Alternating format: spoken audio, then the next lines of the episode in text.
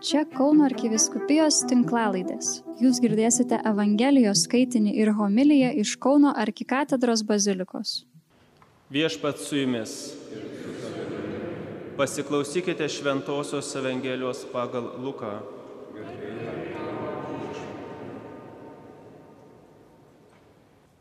Keliaujant į Jeruzalę, teko Jėzui eiti tarp Samarijos ir Galilėjos. Įeinant į vieną kaimą, jį pasitiko dešimt raupsuotų vyrų. Jie sustojo stu ir garsiai šaukė, Jėzau, mokytojau pasigailėk mūsų. Pažvelgęs į juos, Jėzus pasakė, eikite, pasirodykite kunigams. Ir beidami jie pasveiko. Vienas iš jų pamatęs, kad išgyjo, sugrįžo atgal, balsiai šlovindamas Dievą. Jis dėkodamas parpuolė Jėzui po kojų, tai buvo samarietis. Jėzus paklausė, argi ne dešimt pasveiko, kur dar devyni? Niekas nepanorėjo sugrįžti ir atiduoti Dievui garbę, kaip tik šitas svetimtautis. Ir tarė jam, kelkis, eik, tavo tikėjimas išgelbėjo tave. Girdėjote viešpaties žodį.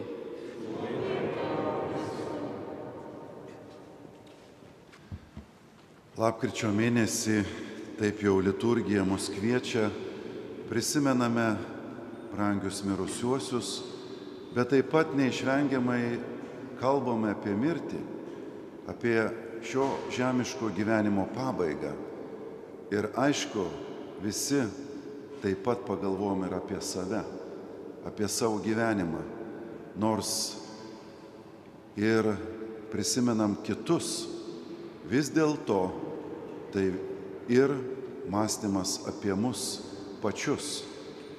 Mirtis išminties knygoje, kurią šiandien skaitėme, apibūdinama kaip išminties mokytoja, kadangi kiekvienas jos akivaizdoj turime ugdyti tokį blaivų ir tam tikrą prasme išmintingą įžvalgą į mūsų einančias gyvenimo dienas, kurios senka, kurios eina, šiandien ypač pasiskundžiame labai greitėjančių laikų, tiesiog nepastebimai praeina savaitės, mėnesiai ir metai. Ir štai artėjame prie tos tikrovės, kuri vadinama dangaus karalystė. Ir gerai darome, kad kalbame apie amžinai gyvenimą, nes žmogui siauba kelianti mintis yra, kad viskas važiuoja į pelenus. Tai kažkas prieš mūsų prigimti. Ir tai liečia ne tik tai krikščionišką religiją ar kultūrą, bet ir kitas, o taip pat ir visas pasaulio e, tautas ir žmonių laikus, kurie vienu ar kitu būdu turėjo įsivaizdavimo apie amžinybę ir tą konceptą laikė kaip tiesiog gyvenimo dalimi. Taigi mes kalbam apie dangų, bet šiandieną įdomu pastebėti, kad išminties knyga vis dėlto mums primena, kad turime taip pat kalbėti apie ją ir kaip apie apskaitą, kaip apie egzaminą. Ir mes krikščioniškoje teologijoje turime tą vadinamą didžiąją tikėjimo tiesą, kad už gerą Dievas atlyginimą, už blogą baudžia. Tai reiškia, teisingumo momentą, kistatą su savo gyvenimo laiku panaudotų vienam ar kitam tikslui. Tai reiškia tam tikrą išbandymą. Ir šiandien mums išminties knygos eilutė, kuri pritaikyta pasaulio valdovams, vis dėlto vienu ar kitu būdu tinka ir mums, kuriems viešpats patikėjo dvasinį vadovavimą, didžiulę dovaną, irgi tą, ką galėtume pavadinti gale. Jūs valdžią iš viešpaties turit. Šią galę aukščiausias jums davė. Visus jūsų darbus jis stebi ir tyria, ką veikti galvojat. Turėtumėt jo karalystėje tarnauti, bet jums nepatiko teisingi sprendimai. Įstatymo jūs nesilaikėt, nevykdyti viešpaties valios. Taip gali atsitikti. Tokia tikrovė užfiksuota šioje knygoje. Ir mums gera ir dera apie tai pamastyti būtent, kai lapkričio mėnesį susimastom apie mirties tikrovę. Taigi didiesiems jo teismo sprendimas bus griežtas. Šis sakinys, aišku, kas mus gali, reiškia, išgazdinti, susigūšti viešpatie, kas įsilaikys prieš tave. Bet iš kitos pusės popiežius Benediktas XVI mums yra palikęs labai gražų paskutinio teismo įvaizdį, kad tai yra vilties lavinimo vieta. Mes apie teismą taip negalvojam. O vis dėlto tai lavina viltį. Kodėl? Kadangi viešpatie žodis bus paskutinis. Ne tirono, ne išnaudotojų, bet jo. Tai žadina viltį. Paskutinis teismas turėtų mums ne tik, sakytume, priminti apie tą apskaitą, bet ir apie tai, kad viešpats galiausiai istorijoje tar žodį ir viskas bus, sakykime, išrešta jo akivaizdoje. Taigi mes psalmėje primenami, kad ta apskaita iš tikrųjų mūsų požiūrius į skriaudžiamuosius našlaiščius. Ginkit paniekintų teisės, vargšus prispaustuosius vaduokit. Čia turbūt vienas iš tų didžiųjų egzaminų, kuris užrašytas ir mato 25 skyriui, ką padarėt mažiausiam iš mano brolių man padarėt. Mes, broliai, dažnai apie tai galvojame, kad vargšam pagalba yra, na, kažkokia materialinė ar ten kažkokia, na, apčiuopiama fiziškai nauda. Mums kaip kunigams iš tikrųjų labai svarbu prisiminti, kad pagalba šiandien yra pagarba žmogui. Tas, kuris ateina, dažniausiai suspausto širdies. Ir ta besąlygiška pagarba kitam yra pagalba jau. Nes dažniausiai žmogus pagarbos tokoja ir šiandien mes visuomenėje matom tą tokį susipriešinimą, vienas kito kaltinimą, kur ta paguoda ateis, iš kur ateis tas nu, kažkoks širdies e, pastiprinimas. Jeigu kunigas savo artimiausiai aplinko ar žmonėms nerodo pagarbos, ir neduoda to godžiančio žodžio, tai tą žmogų toliau nuskurdina, nes net tas, kuris atstovauja viešpati, to nespinduliuoja. Manau, kad šiandien mums, dvasininkams, ypatingai svarbi šita laikysena, kai matom išbandymą visuomeniai, kai matom nepagarbą ir įtampą. Na ir Evangelija apie dėkingumą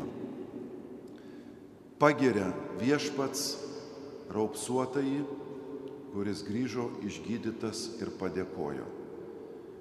Dėkingumas yra tam tikra mandagumo forma, sakytume.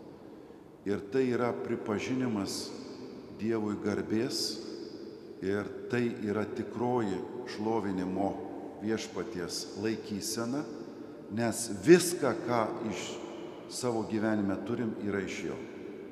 Tai natūrali laikysena turi būti dėkingumas. Eikit pasirodyk kunigams. Tuo metu kunigai nustatė, nustatydavo, kas gali palikti karantiną. Raupsuotojai buvo karantinuojami, izoliuojami, gyvenami stovyklose ir tik kunigas turėjo teisę duoti leidimą gyventi vėl visuomeniai. Ar jis pasveikęs, spręsdavo būtent jis.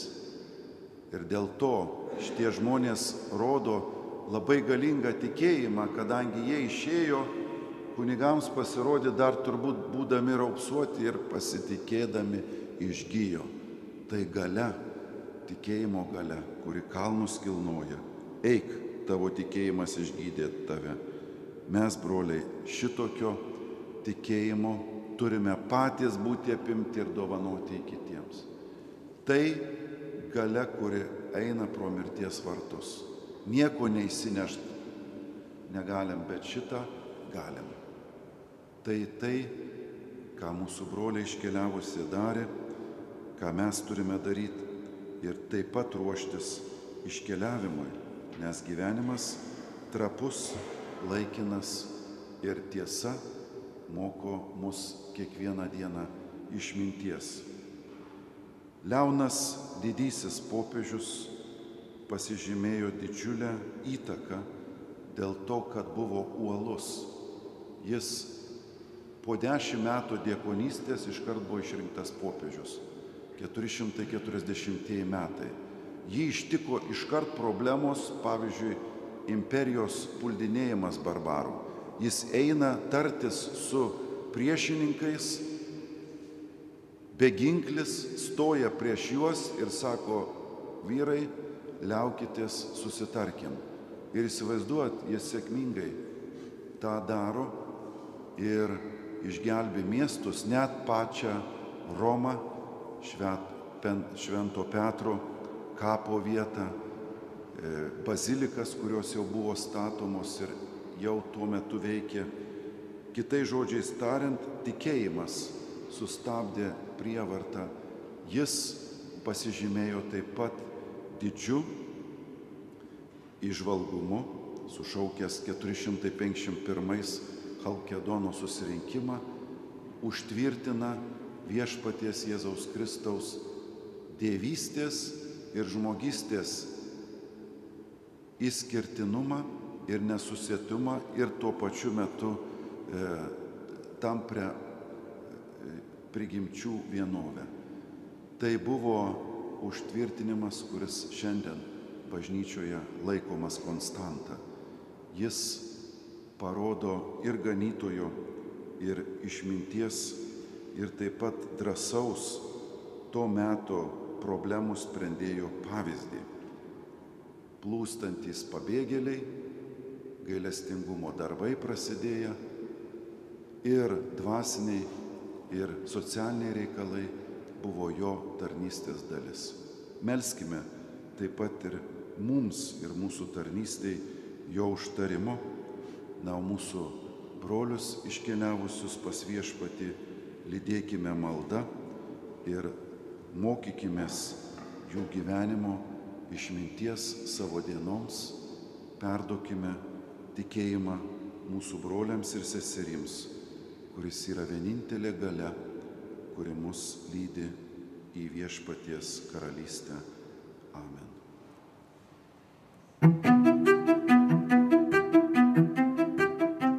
Jūs girdėjote Evangelijos skaitinį ir homiliją iš Kauno arkikatedros bazilikos. Čia Kauno arkiviskupijos tinklalaidės. Sekite mus ir prenumeruokite.